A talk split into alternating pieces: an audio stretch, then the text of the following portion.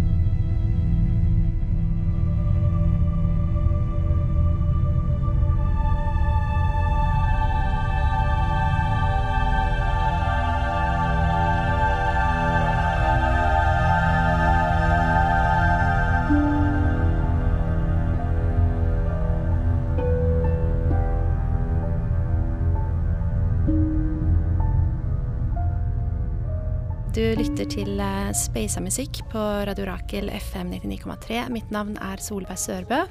Uh, og vi lytter nå uh, til litt spesiell musikk her i bakgrunnen.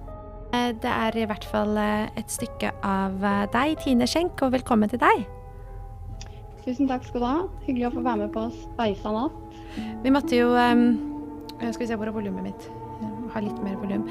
Um, vi du er jo med oss fra ja, Vi har en litt sånn spesiell løsning fordi at uh, du er rett og slett hjemme og har migrene, så vi måtte få kobla deg opp til um, Ja, via en telefon, et litt sånn rart system. Så nå, det er derfor det er litt sånn Ja, at vi skrur litt underveis for å få det til å funke. Uh, i hvert fall veldig glad for at du kunne være med selv om du ligger hjemme og hodepine. Tusen takk for det. Ja, men det er jo bare morsomt. Jeg hadde veldig lyst, så det passa veldig dårlig hvis det ikke skulle gå i orden. Mm. Så setter stor pris på å få være med. Ja, øh, jeg er veldig glad for at du kunne være med, som sagt. Og den, øh, Den musikken vi hører nå, eller som vi har hørt litt på også, eh, hvor er den fra? For dette er jo noe du har laget. Ja, den er fra dataspillet Lister, som kom ut i fjor. Eller ja, det skulle i hvert fall komme ut i fjor. Som var et skrekkspill uh, med orkester uh, Altså selvfølgelig elektronisk orkester, men orkestral datamusikk. da. Med mm. um, orkesterhybrid soundtrack som jeg lagde mm. for et og et halvt år siden. Mm. Så det er litt det er skummelt? ja, det var, det var veldig gøy å få lage noe som er så det ligger så mye følelser i når du skriver musikk til skrekksjangeren. Mm. så det var utrolig morsomt å være med på, faktisk. Å få spille veldig mye på hele følelsesregisteret, egentlig. Men hvordan var det Altså, sitter du og føler på de samme følelsene når du lager sånn musikk? Ja. Uh, du, vent litt, jeg har litt feedback fra telefonen. Jeg skal bare legge den litt lenger vekk. Mm.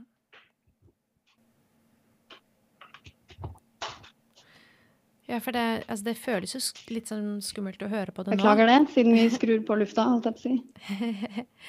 det går bra. Ja. Um, nei, altså når jeg Jeg har på en måte gått mest inn for denne mørkere sjangeren med um, spillmusikk fordi jeg syns det er så spennende med følelser. Og når man spiller et dataspill, så er man veldig investert i spillet. Man sitter veldig inni det, liksom. Mm. Og da har man jo som komponist veldig mye påvirkningskraft.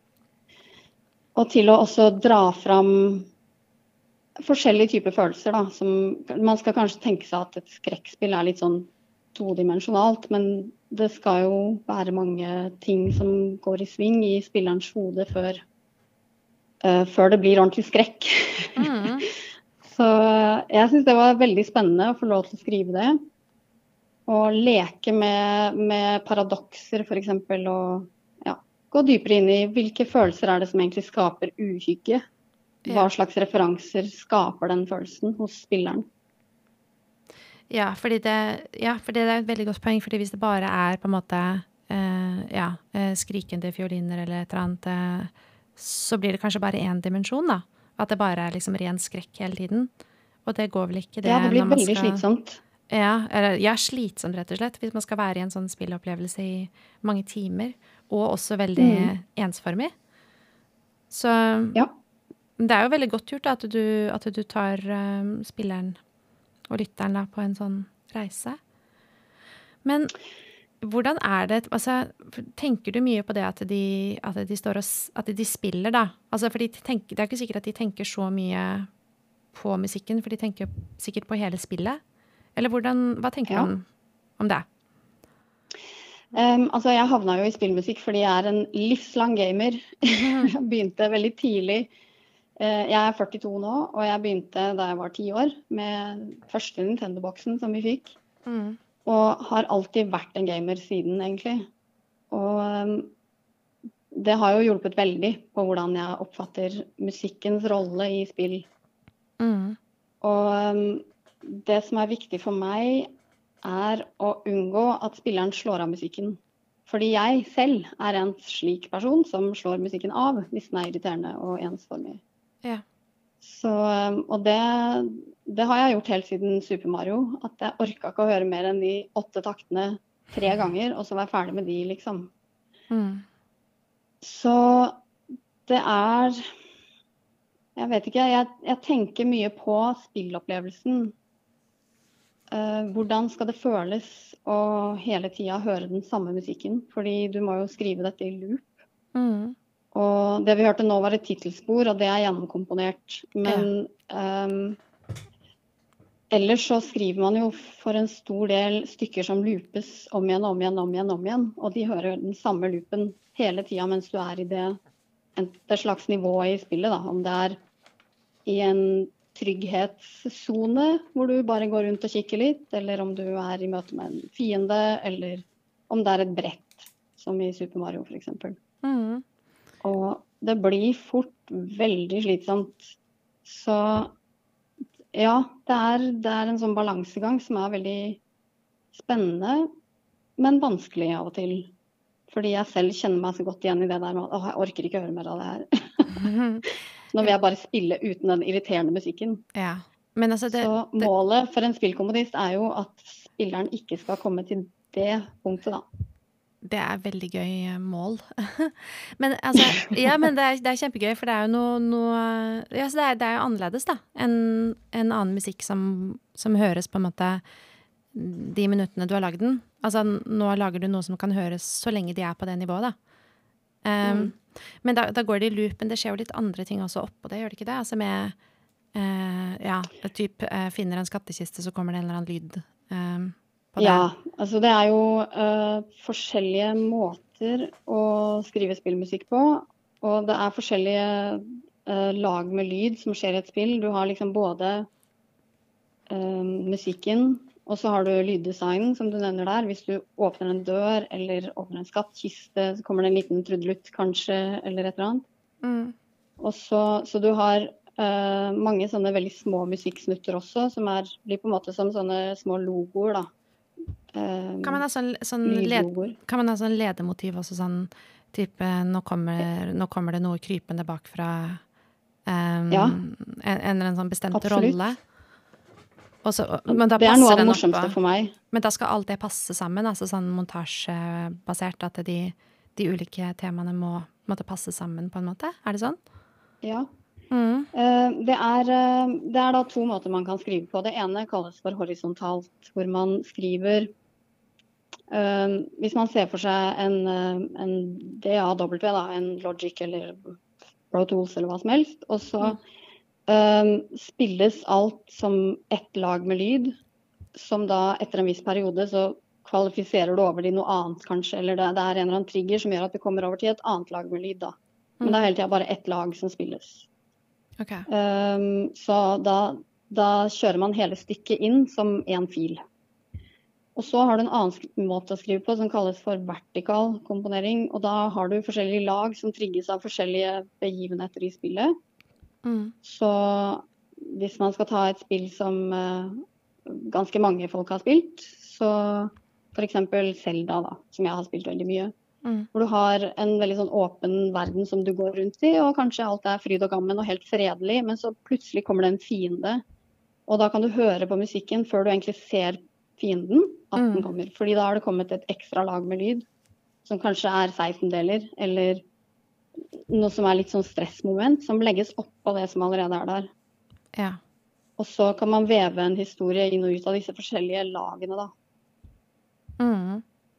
Det høres mer interessant så... ut. Det er sånn jeg har på en måte forestilt meg det.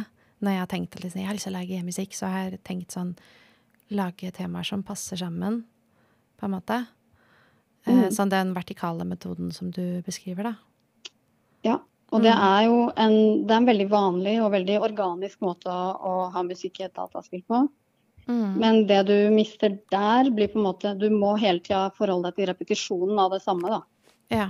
Så det, det er en, en, fin balanse i um, om man skal velge den ene eller den andre måten å skrive for. Og jeg liker å velge en slags blanding hvor mm ettersom hva spillet handler om, og hva, det skal, hva, som skal skje, om det er inndelt i brett, eller om det er åpen verden, eller, eller, hva det er. Og Så velger man på en måte hva man syns passer best til de forskjellige scenarioene. Da. Så er det noen spill hvor, de, hvor man kan velge litt hva man hører på også. Uh, sånn, hva heter det der kjørespillet? Bestemmer man ikke hva man hører på i bilen også? Uh, Grand Theft Auto eller uh, jeg tror det er noe er det sånt. Hvor man, man liksom, det handler om å race fremover, og så bestemmer man jo liksom Og da er det gjerne hits, da.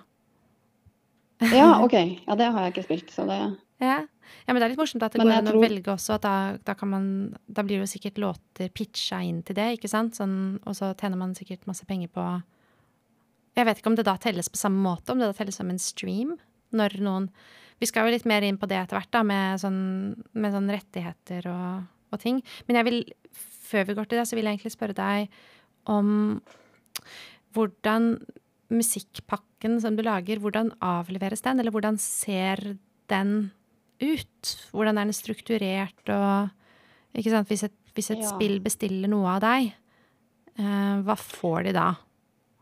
det er egentlig litt opp til spillutvikleren. Nå har jeg bare jobba med indie-spill så langt, og det kan være at spillutvikleren ikke har så veldig Kanskje det er en, en bare en som er helt aleine som lager spill, eller et, et lite lag.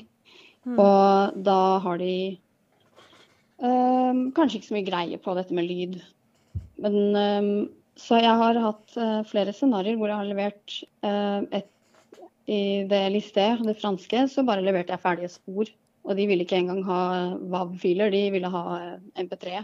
Okay. Så de fikk det i MP3. Bare her er fila, og her er de forskjellige lagene i hver sin fil. Mm. Og så legger de det selv inn i det som kalles for en ja, en spillmotor, er det ikke det det heter på norsk? Game engine. Mm. Uh, og der um, kan de trigge de forskjellige lydene sjøl, uten at jeg har noe som helst greie på hvordan det skjer. Okay. Um, og så er det en annen variant som er veldig vanlig. Det er at man uh, bruker noe som heter um, uh, middleware. Som er for å som, som, man legger musikken inn i, som linkes til dataspill.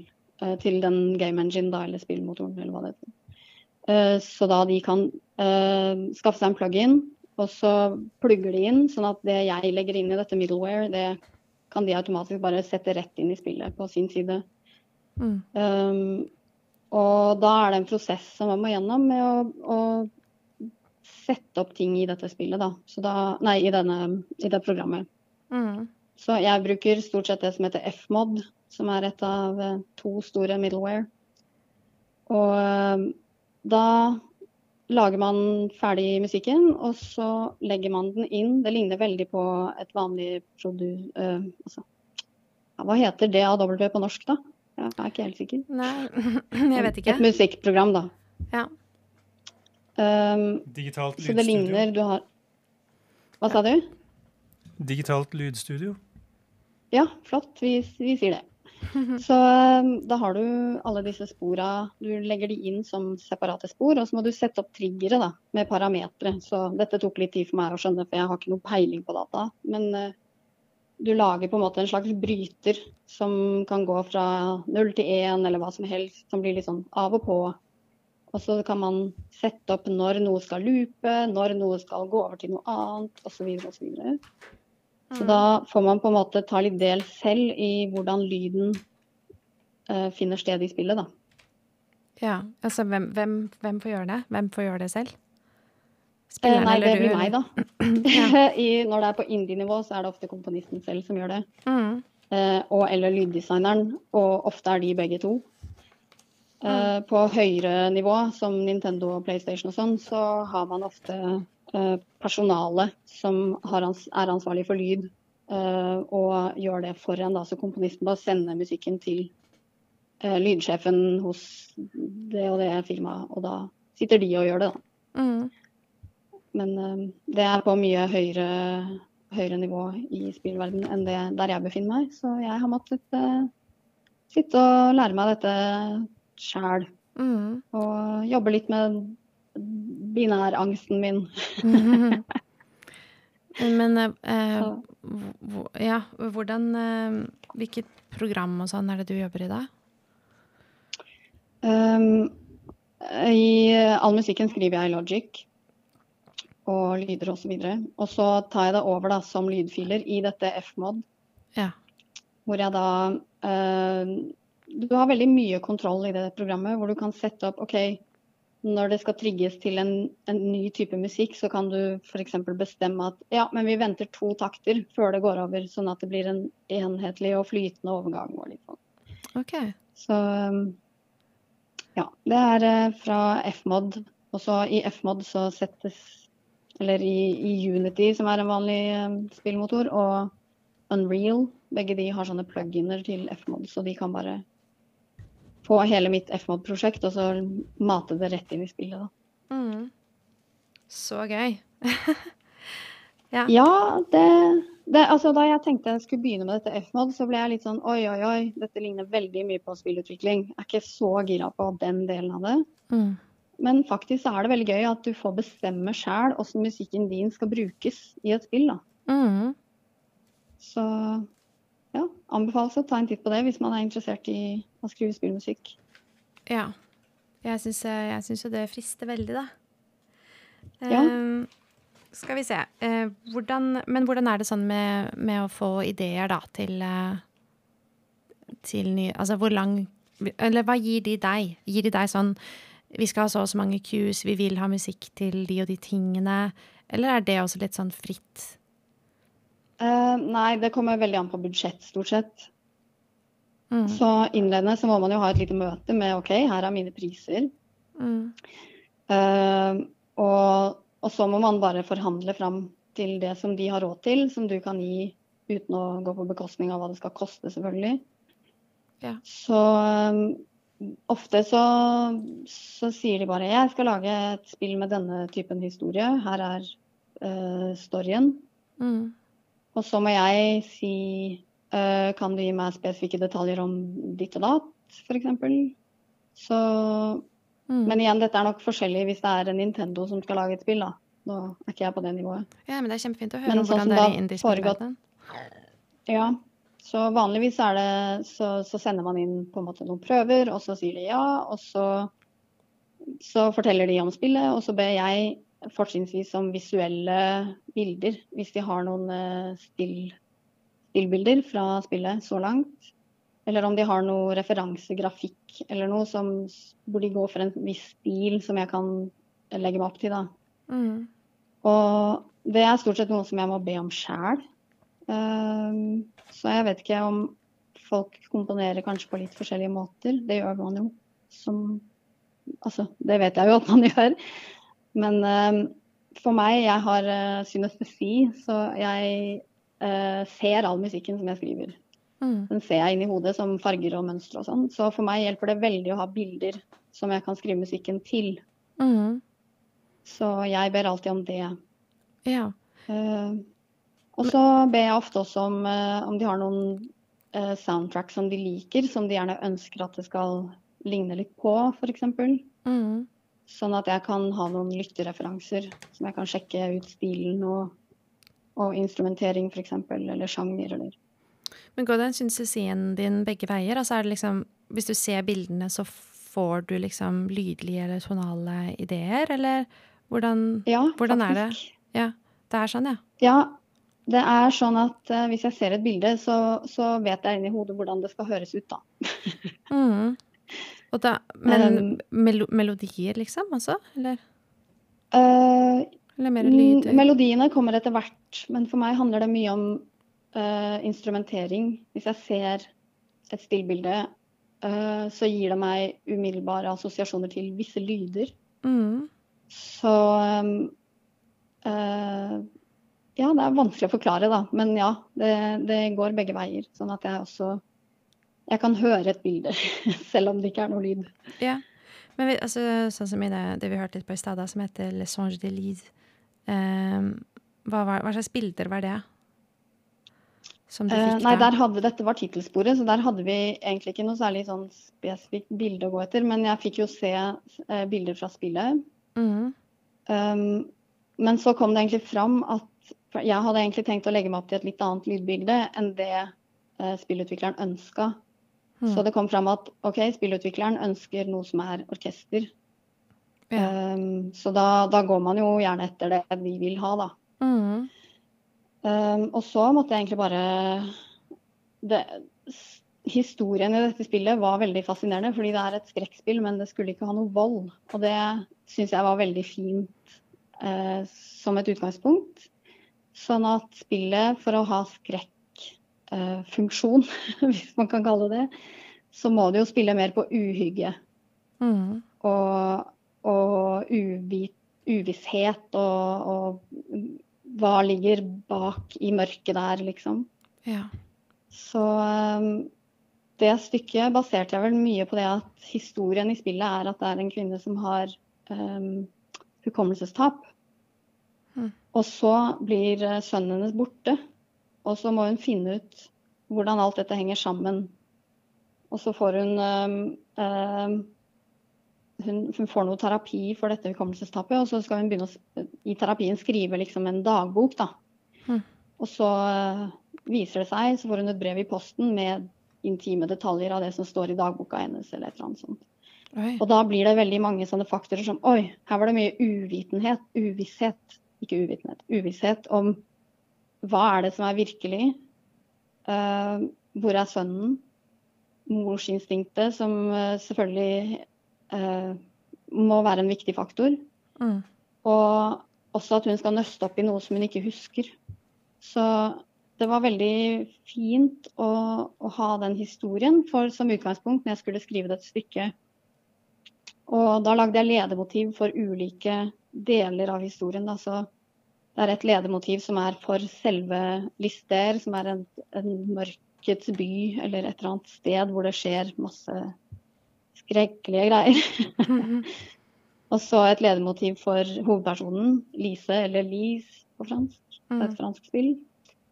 Og så et motiv for fare og død skrev jeg også inn i det første stykket. Sånn at det, um, at tittelsporet allerede introduserer tre ledemotiver da, som jeg plukker opp senere i, i soundtracket. Så der hadde jeg ikke egentlig så mye bilder, men mer eh, en slags følelse av mørke og, og, noe som er gjemt. Men Hvor viktig syns du det er at eh, liksom, musikken er skal, skal, musikken på en måte kunne stå på egne bein, eller er det liksom bare funksjon? Sånn for deg? Jeg vil jo gjerne at den skal kunne stå på egne bein. Jeg syns ja. jo det er kjempegøy hvis jeg kan lage et soundtrack-album. Mm. Album. ja, har du tenkt til å gjøre og, det, eller har du gjort det? Ja, av dette har jeg gjort det. Mm. Så um, foreløpig så er det på Bandcamp, uh, hvis noen er interessert i det. Men um, Vi liker Bandcamp. Ja, jeg uh, syns jo det er veldig gøy hvis folk kan lytte til stykkene uavhengig, da. Mm. Men eh, det kommer også litt an på uh, budsjett osv.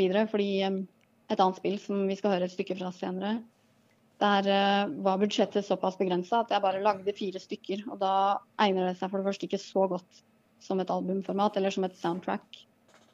Og, og også det ble, var, ble, litt mer sånn repetitive looper, da. Og mm. da lager jeg ikke soundtrack av det. Mm. Jeg... Men um, altså album, ja. da. Ja. Er det det stykket som heter Samklang? Nei. Samklang er eh, noe jeg skrev som ikke har noe med spill å gjøre. OK. Ja, for, vet, for vi skal jo høre på Samklang nå, og så kommer vi til det, det andre litt seinere. Ja, dette er et stykke som jeg skrev til eh, noe som heter Music Weekly Challenge, som jeg er med på ganske ofte. Um, og det var skrevet til FNs um, Sustainable Development Goals, det var en utfordring som handlet om sosial musikk. Så um, dette skrev jeg om uh, ulikhet. Eller ja, det er et uh, FN-mål at vi skal utjevne ulikhet i verden. Mm. Og dette stykket skrev jeg som en illustrasjon på at vi må, vi må utjevne ulikheter og forskjeller for å komme sammen og bli enige. Mm. Så Men er det tekst i det? Kanskje noe som jeg ønsker at spillmusikk kan være litt mer. Oh, ja. Ja, men altså fins det sånne litt mer sånn Jeg vet ikke mm, Samarbeidsting. Altså fins det f.eks. en sånn ja, her kan alle laste opp sine lyder, og så kan vi samarbeide om dem, og så kan det brukes i et indie-spill. Altså, Fins det sånne type modeller i spillverdenen? Ikke som jeg kjenner til, egentlig.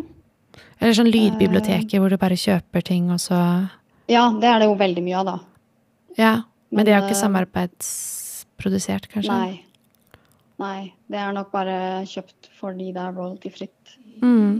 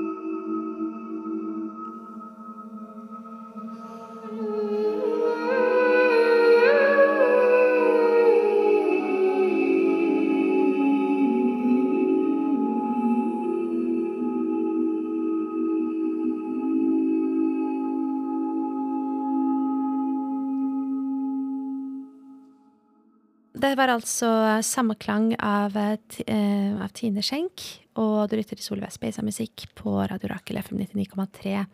Uh, takk til dere som sitter uh, hjemme og lytter, og takk til Tine som stiller opp midt på bleike natta. Ja, det er til og med blitt på, på sitt mørkeste nå. Ja. Kjempe, kjempekult. Vi skal så, kanskje vi skal snakke litt om dette her med royalties, da. Siden det um, mm. Du har jo en uh, jusutdanning, faktisk. Med, og musikkrettigheter er jo ikke verdens letteste ting å forstå, uh, for å si det mildt. Nei. Det er liksom delt opp i, i ulike typer rettigheter, og um, ja, man kan tjene litt her og litt der, og hvis man ikke er i en organisasjon, så tjener man mindre, og så videre. Mm. Så, så, hvordan er dette Hvis du skal gi en introduksjon til hvordan det er med spillmusikk? Ja, det er eh, en veldig kort introduksjon, for det er helt krise. Mm. Så i spillverden så er det hovedsakelig buyout som er um, trenden. Mm. Så det vil si at spillutvikleren kjøper opp alle rettigheter til musikken. Um, men det som er problemet, er at buyout uh, fordi spillverdenen har gått amok. Det er så mange uavhengige spillutviklere nå. Og også fordi musikkproduksjon har gått amok. Der alle har en data med, hvis de vil, et musikkprogram. Så har det gått veldig uh, gærent, i, spesielt i indie-sektoren, hvor uh, det er så mange som har lyst til å få musikken sin inn i et spill. Og det er så mange som har lyst til å lage et spill, men ikke har noe penger. Mm. Så Eh, det er veldig mange som eh, lar seg kjøpe opp for en ekstremt billig penge. Mm. Og da snakker vi krisebillig. Jeg har sett eksempler på at folk er villige til å selge buyout, ett minutt musikk, for ti dollar. Amerikanske okay. dollar. Det er en hundrings ja. som du aldri får noe royalties av igjen. Mm. Ja, fordi det er kanskje eh, litt sånn fint å, å forklare det også med, med hva, hva, buyout versus royalties hva, hva vil det si, liksom? Ja. Mm. Så buyout, det er når eh, Det kan også skje i filmbransjen, men jeg vet at det er ikke, ikke like krise der. Så i spillbransjen så en ordentlig buyout kjøper opp rettighetene til eh, soundtracket som er laget. Men eh, når det gjøres ordentlig, så skal buyout-summen kompensere for alt tap av royalty-inntekter mm. som du ikke vil få når du gjør en buyout. Ja, så det, det er det buyout ganske... betyr, at de kjøper opp eh, alle rettigheter, så de slipper å gi deg royalties. Mm. Så en god buyout er jo i flere hundre, hundre tusen kroners-klassen. Mm. At du på en måte virkelig, hvis det blir et spill for de større plattformene, og uh, det er et, et spill som f.eks. lages av Nintendo, så er det jo skikkelig summer det er snakk om. Mm. Men i indie-bransjen så er det så mange som ikke har så mye penger det er ikke noen svære konserner det er snakk om, eller noe sånt. Så de vil jo gi minst mulig, og helst slippe royalties. Ja, og royalties er da hvis man får betalt litt, lite grann hver gang det ja. spilles av, eller Hver gang et spill blir solgt, f.eks. Hver gang det blir solgt. Ok. Eh, jeg har fått eh, et innspill her fra mm, en eh, lytter, Jakob Arvola, som spør bør man gå på promiss med f.eks. Tonos retningslinjer for å få gjennomslag for egen musikk. Altså, kan det bli for mye fokus på rettigheter? Og så håper jeg det var greit at jeg sa navnet i Jakob, det glemte jeg å spørre om. Eh, men altså spørsmålet da til deg, Tine. Hva tenker du? Om det kan få bli for mye fokus på rettigheter? Ja, altså Når man spør en med jusutdannelse, så er det, jeg er jo ikke uhildet, la oss si, i denne diskusjonen. Jeg syns jo aldri det kan bli nok snakk om rettigheter. Mm. Men uh, det er klart, det kommer helt an på hva som er målet med musikken ens. Det er uh, Hvis man vil ha musikken sin ut og opp og fram, og det er målet, så man må jo bestemme selv hva som egner seg for en selv. Og det er veldig greit å kunne peke på at det er avtalefrihet. Du kan avtale absolutt hva du vil. Men uh, så lenge man er i Tono, så er man forplikta etter Tono-avtalen til å la Tono um, innhente royalties, fordi, i hvert fall for de stykkene som er registrert i Tono. Um, jeg tror ikke man kan la være så, å registrere det heller. Kan man, eller kan man egentlig det? Nei, Man skal jo egentlig etter Tono-avtalen registrere de verkene deretter, når man er med i Tono. Ja. Uh, men det som man kan gjøre med Tono, er at man kan uh, registrere stykker der, og så uh, registrere det som det som kalles produksjonsmusikk. Så du kan registrere verket, og så sende en, en søknad eller et notat til Tono. De har et skjema, tror jeg. Hvor du skriver, uh, eller ber om at det stykket skal være produksjonsmusikk. For da blir det unntatt fra innkreving av royalties. Okay. Så hvis du har lyst til å gjøre en buyout eller et eller annet sånt, så kan man gjøre det. Men da skal man også være bevisst på at um, da krever ikke Tono inn disse pengene heller for hvis du får salg av soundtrack eller, eller de tingene. Da er det liksom unntatt innkreving. Så, så, må man jo velge litt selv om hva som er viktig for en. For meg er det viktig at uh, verden er en prinsipielt god plass å være. Og da syns jeg at man skal respektere folks rettigheter til sine egne åndsverk. Men Uh, jeg har etter hvert skjønt at jeg er litt utradisjonell, for jeg er ikke så opptatt av fans, f.eks. Mm. Og um, det er jo veldig mange musikere som er det. Og det er klart, da kan det godt være at det er verdt, at det er liksom um, det er verdt det for deg som musiker å kanskje ikke kjøre så hardt på de rettighetene. Men ja, fordi rettigheter kan jo være at, Ja, unnskyld. Ja, Nei, jeg bare tenkte på det med at, uh, å ha rettigheter til sin egen musikk. Det kan jo både være det med at han skal ha rett til å få betalt for det, men det kan også være det at man skal ha rett til å styre over hvordan den blir brukt, og om man vil få betalt for akkurat det eller det. Altså, jeg hørte i hvert fall at det er mm. folk som velger å gå over til svenskenes eh, svar på Tono, for der er det mer anledning til å gå for buyout. Så det er helt nytt for meg at det faktisk fins en sånn For jeg, for jeg har hele tiden trodd at det ikke er lov, da, i, når man er medlem i Tono. At det da da har man den forvaltningsavtalen, og den er designet for å beskytte deg ved at den mm. ikke lar deg um, inngå sånne buyout-avtaler. Fordi hvis det var lov å inngå de avtalene, så ville flere føle på et press for å gjøre det. Så det er sånn jeg har tenkt at det har fungert. Så det er veldig interessant å høre at det, um, ja, at det fins disse produksjonsmusikk uh, At det fins en egen kategori for ja. det. da. Altså Det som er problematisk med, med, det norske systemet, er at dataspill har ikke egentlig kommet ordentlig inn i systemet. Sånn at hvis man er spillkomponist, så må man mellom alle stolene. Det er ikke noe egen eh, det er ikke egne bestemmelser for dataspill enda. Jeg vet at de, NOPA holder på å jobbe med saken. At de eh, prøver å få De, de skal nedsette en eh, gruppe av spillkomponister og, og diskutere mer om hvordan det systemet bør optimaliseres osv., så, videre, så vidt jeg har forstått. Men ja, det er litt vanskelig, fordi Tono krever jo ikke inn fra dataspillsalg. Det er NCB som krever inn via mm. synklisenser. Ja, som i film. At alt, hele dette systemet er komplisert, selv for meg som mm. har jusutdannelse. så, men i utgangspunktet så er det greit å vite at hvis, at det er avtalefrihet i Norge og i verden. Med visse unntak, som når ting er urimelig og det er under press osv. Mm. Um, men så er det dette med at hvis man er registrert i Tono, så er man registrert i Tono. Da må man jo oppfylle sin del av den avtalen, da.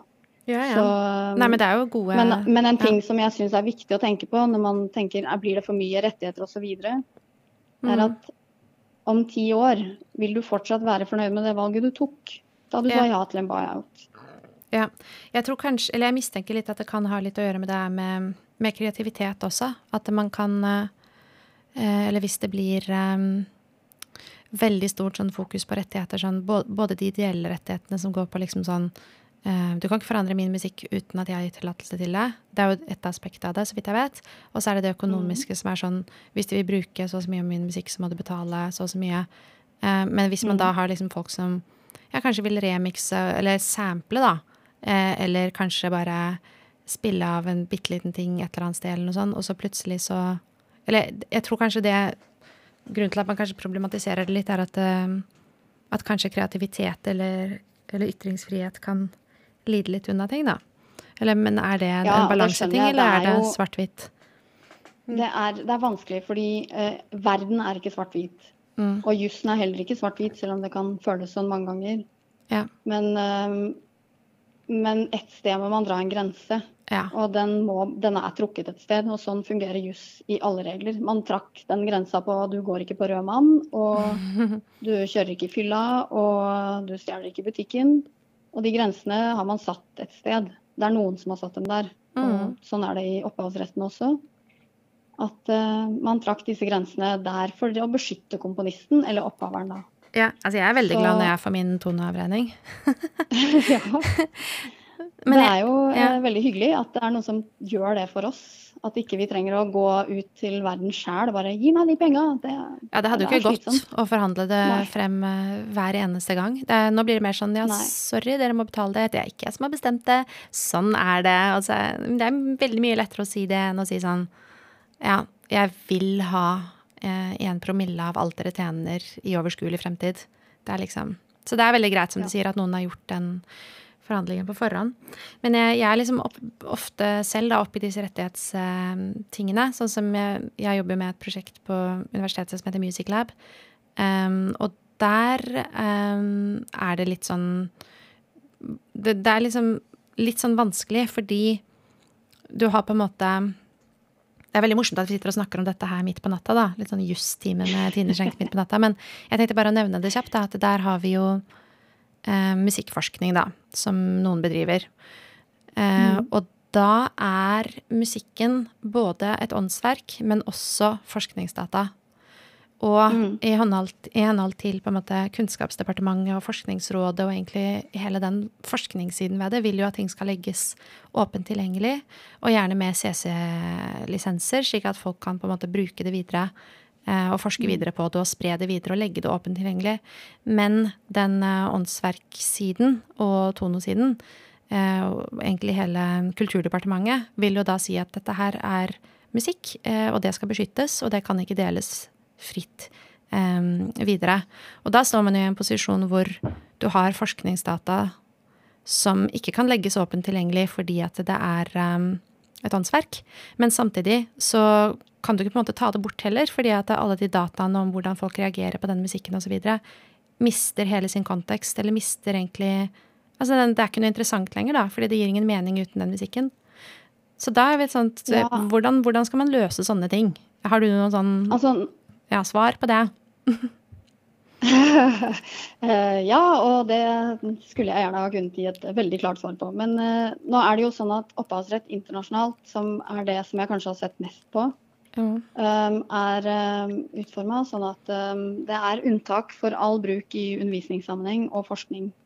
Mm. Og det er også altså unntak fra um, ikke unntak fra opphavsrett, du har jo fortsatt opphavsrett til det, men det, du trenger ikke lisens, da. Eller du trenger ikke å, å ha tillatelse fra opphaveren til å bruke musikken i disse sammenhengene. Men det er jo en så, konsert samtidig som det er et eksperiment, på en måte. Så det, er, det ja. ligger midt mellom Du kan ikke bare definere det som forskning. Det er like mye kunst.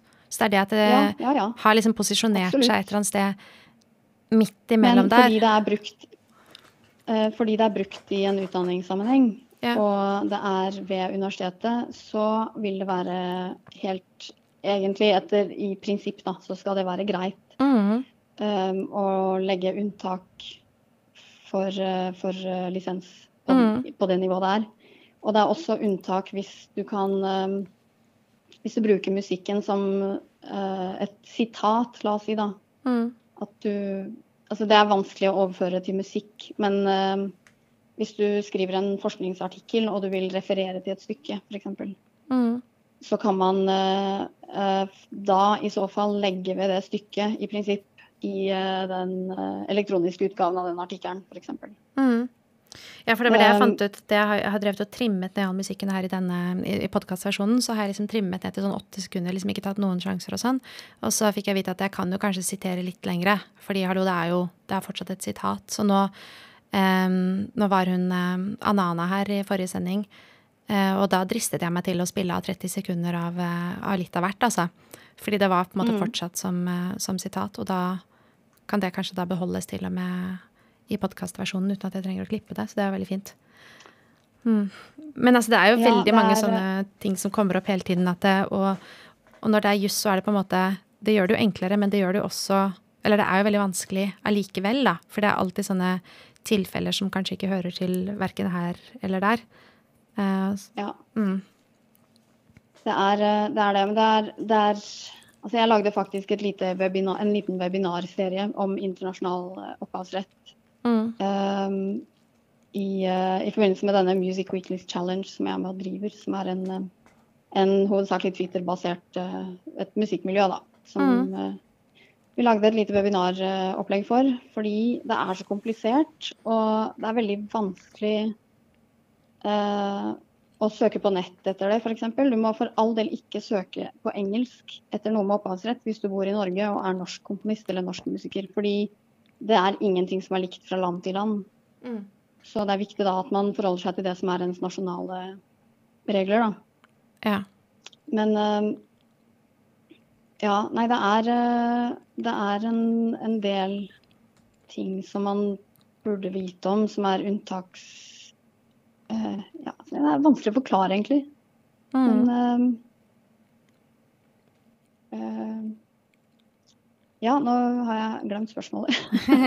Nei, det var sikkert kjempedårlig stilt spørsmål også, men jeg, jeg, vandret i hvert fall litt rundt i mitt eget hode og uh, prøvde å vandre litt uh, rundt uh, i denne sendinga her. Men, men, det med med at det kanskje finnes noen tilfeller hvor, hvor svaret ikke er helt enkelt.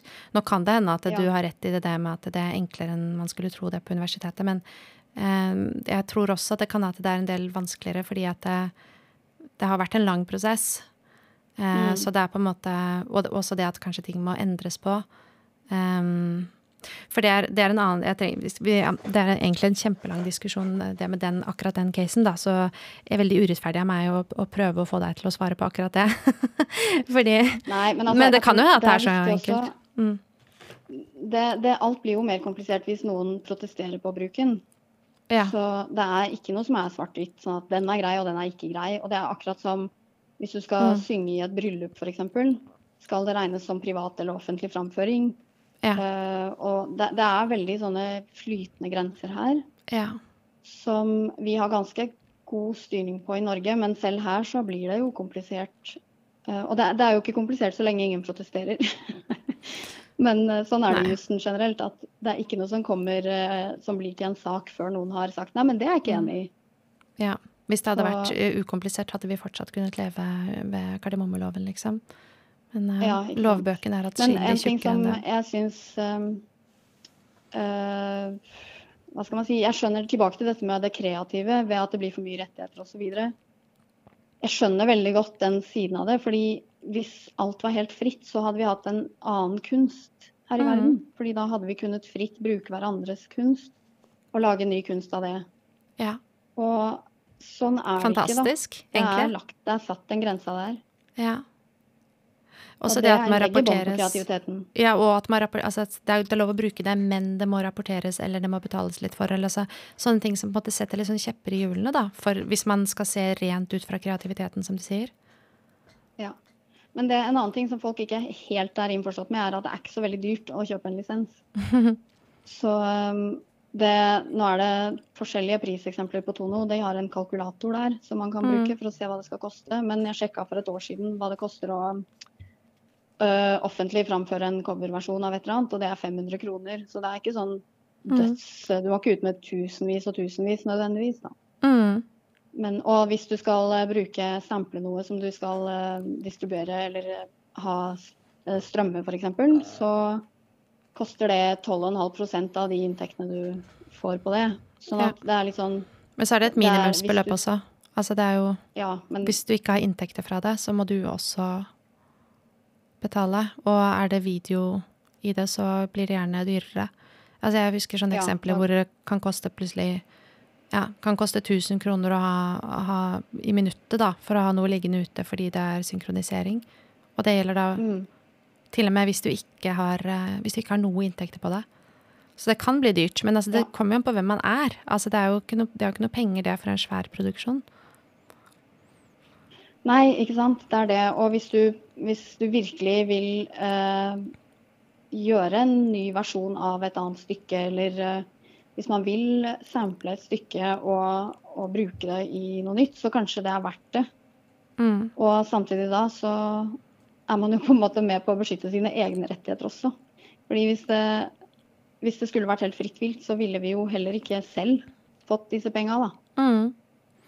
Men det er jo ja, det er eh, Kanskje det kommer en løsning som går litt mer automatisk. fordi det er jo masse teknologier nå for å kjenne igjen eh, lyder. Og jeg tror det, det med sampling, der er jeg, jeg, ikke, jeg, kan ikke juss selv, men jeg mener å huske at det er en sånn fyr som forska på det på Universitetet i Oslo, som sa at det, um, det blir regnet som at du på en måte har tatt um, en del av en låt hvis det fortsatt går an å kjenne det igjen. Så hvis du har liksom skrudd masse på Hvis du har på en måte skrudd masse på en eller annen liten lyd, og så mm. kanskje kjørt den baklengs og sånn, da er det på en måte ikke sample på samme måte lenger, da. Jo, nei, det, det er faktisk ikke sant. Okay. Eh, fordi i internasjonale konvensjoner så er alle lydinnspillinger beskytta. Okay. Så, så, selv om du gjør om på den Alle lydinnspillinger, Og hvis det ikke kan gjenkjennes, så er det jo selvfølgelig et bevisproblem. Men prinsippet mm. er det samme. At den mm. lyden skal fortsatt lisensieres, da. Ok. Men hvis det da gikk an å, å, kjenne det igjen ja, fordi sånn som det å skru en lyd baklengs, det er jo en ganske enkel ting, og det bør jo sikkert maskiner kunne kjenne igjen. Hvis alt bare liksom ble regnet automatisk, da. Mm. Og at hvis det genererte nye inntekter for meg Hvis jeg tok en låt du hadde lagd, og så skrudde jeg på den helt til det ble helt ugjenkjennelig, og blanda det med ti andre ting, og det er ingen som kan kjenne det igjen, og det er et nytt verk fordi at jeg har bygd et eller annet rundt det. Altså, vi hadde jo en annen sending her hvor uh, Maja Ratche hadde liksom samla inn masse masse lyder fra en sånn lekeplass. og det var, det var, lyder av barn, og det var lyder av ting, og, og folk hadde vært der og spilt selv og sånn. Og, og, da var det på en måte hennes komposisjon. Men det var også en slags mm. sånn sampling, og man kunne jo sagt at eh, ja, barna skal ha betalt litt for, eh, for stemmene sine og sånn. Men, men, tenk et system eh, hvor ting blir automatisk fordelt. Hadde ikke det vært eh, fantastisk? Kanskje det er mulig i fremtiden? Uh, hvor det blir ja, fordelt? Jeg har ikke sånn veldig kjempetro på disse algoritmene, for å være helt ærlig. Men, uh, ja, men mitt, mitt stykke da ville hvis, hvis, jeg da slapp å betale til deg, men hvis jeg tjente på det, så ville du uh, få en del av det automatisk. Hadde ikke det vært fint? Ja, altså det fineste hadde vært hvis alt dette var veldig enkelt. Ja. men det er det ikke. og det er, eh, det, det er der eh, jussen kommer på kant med kreativiteten, da. Og, og det er også mm. det Det er kjempevanskelig å bestemme hvor grensa skal gå mellom hva er en, hva bare, bare et opptak fra felt, mm uh, som du kan bruke fritt. Mm. Og hva er faktisk uh, opptak av noen andres opphavsrett eller åndsverk? Mm. Eller hva Ja, og, og det er akkurat Det er glidende overganger. Altså det må det jo være. Ja, det er det. Særlig når vi vet at det finnes så utrolig mange forskjellige måter å lage musikk på. Uh, mm. Ja. Men vi snakker om prinsipper her, da. Så jeg, selv om jeg ikke nødvendigvis jeg, jeg skjønner veldig godt at disse grensene går der. Og uh, og jeg skjønner også veldig godt at det er veldig mange regler som er veldig begrensende for kunst. Så mm. det, det, er bare, det, er bare, fordi et sted må man dra den grensa. Ja, ja. Og den ble satt der. Ja, og så hadde vi satt den et annet sted, så hadde verden sett litt annerledes ut. Men da hadde vi vært irritert på den grensa. så jussen er nødt til å være der for å sette grenser, og det er det den gjør. Så, men det, det går på bekostning av kreativiteten. Og ja, det, det, er en kamp som vi kommer til å fortsette å ha. Mm. I hvert fall så lenge uh, denne, denne, måten vi bruker musikk på i dag, via internett, mm. uh, kommer til å bestå. da. Og det kommer helt sikkert til å bli enda mer og, ut, mer og større og alt mulig. Så.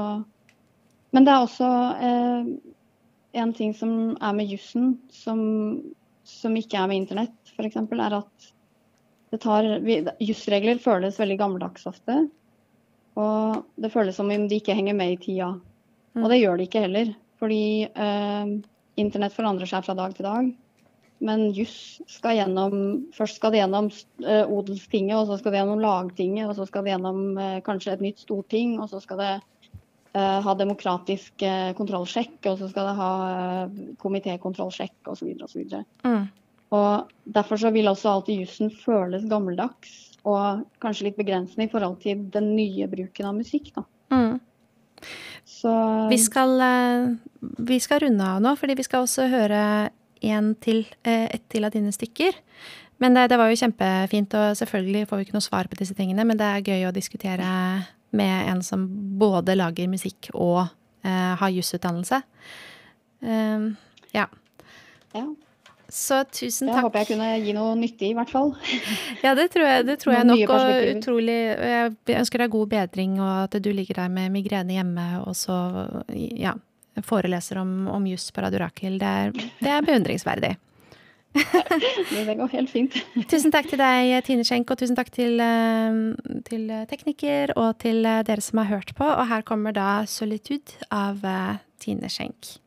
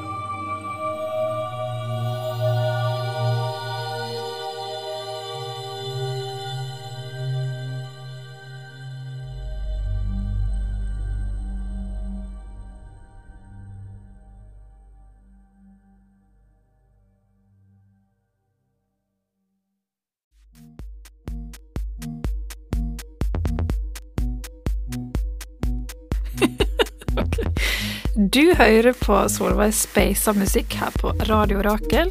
Jeg heter Ragnhild Torvanger Solberg, og i min episode så snakker vi om EDM og forskning på det.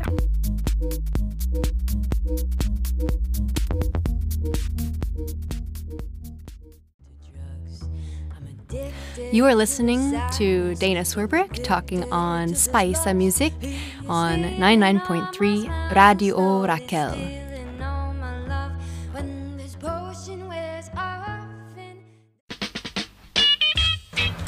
Hi, this is Esther White from BBC Radio Leicester, and I'd like to say that the BBC really could learn an awful lot from the Radio Oracle in Norway.